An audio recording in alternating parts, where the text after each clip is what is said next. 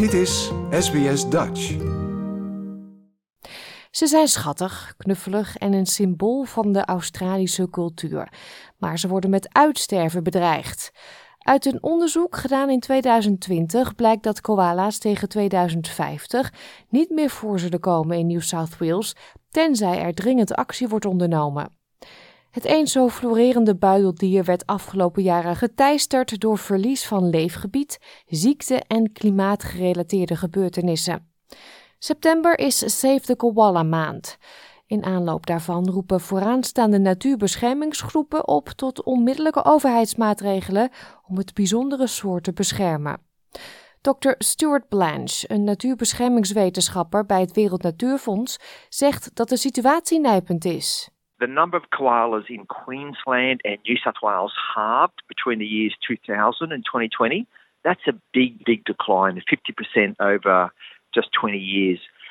That's why those koalas are now listed as endangered under federal environmental law.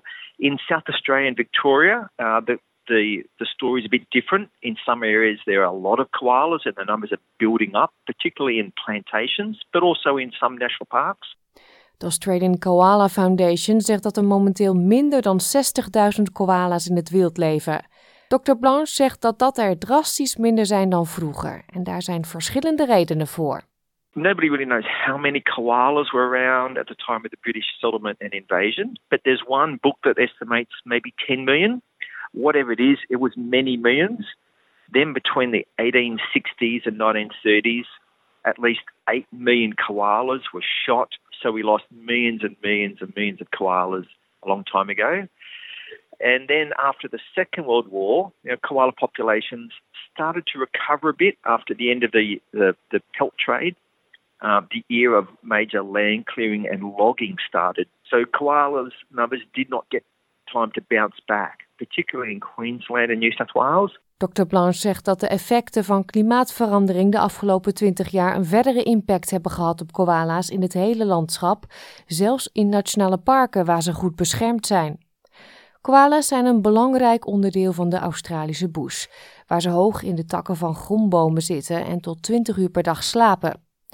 Deborah Tabbert, voorzitter van de Australian Koala Foundation, zegt dat het bekende eucalyptusdieet een probleem is, maar wel op een andere manier dan veel mensen denken. Everyone says they're fussy, um, but in fact they have about 750 eucalypt species to choose from, and in various parts of the country they eat about 10 um, as part of their healthy diet.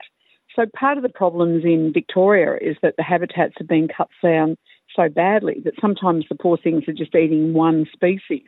Imagine us just eating potatoes for the rest of our lives. So, you, koalas need a well rounded diet, and um, a lot of the really primary trees that they eat are often used for housing, fence posts, firewood. Koala's hebben ook een grote culturele betekenis voor First Nations gemeenschappen en komen voor in Dreamtime-verhalen, liedjes en rotstekeningen. Daarnaast maakt het buideldier niet alleen deel uit van de Australische cultuur, maar ook van de economie, zo zegt mevrouw Tabbert. Many years ago, the Australian Koala Foundation asked economists to look at how much the koala brings to Australian tourism. And now people believe it's about $3 billion and 30,000 jobs. And that was just prior to COVID. But can you imagine Australia without koalas? And can you imagine not being able to sell stuffed koalas around the world? So um, they're worth billions of dollars. But I think it's part of our psyche, the Australian psyche. I just don't think anyone can even contemplate the koalas not being here. And these are the things that I think Save the Koala Month um, attracts people to think about it. In Australië kampen niet alleen mensen met een huisvestingscrisis, dat geldt ook voor de koala. Het neerhalen van bomen om meer woningen te kunnen bouwen om de huizenscrisis op te lossen, betekent dat de koala-populatie zal blijven afnemen. Het roept de vraag op of mensen en koala's succesvol naast elkaar kunnen bestaan. Jackie Mumford is de algemeen directeur van de Nature Conservation Council van New South Wales. Ze zegt dat het meer dan mogelijk is. it's not a matter of environment versus housing. Um, I think when it comes to housing development, uh, there's sort of two two parts to that story. One is where the housing goes, and the other is what we use to build it. In terms of where housing goes, as I said, so much of the state is already degraded. Uh, it's not necessary to continue cutting down, you know, ecologically important areas to keep cutting down the bush to build homes when um, there's already so much of so much of the landscape um, that's been degraded. Ending native forest logging will not have any impact on timber supply for housing um, and building materials. Mevrouw Mumford roept op tot dringende regeringsmaatregelen, waaronder een onmiddellijk einde aan de kap van inheemse bossen. It's hard to believe that an, a species as iconic as the koala is being allowed to head towards extinction.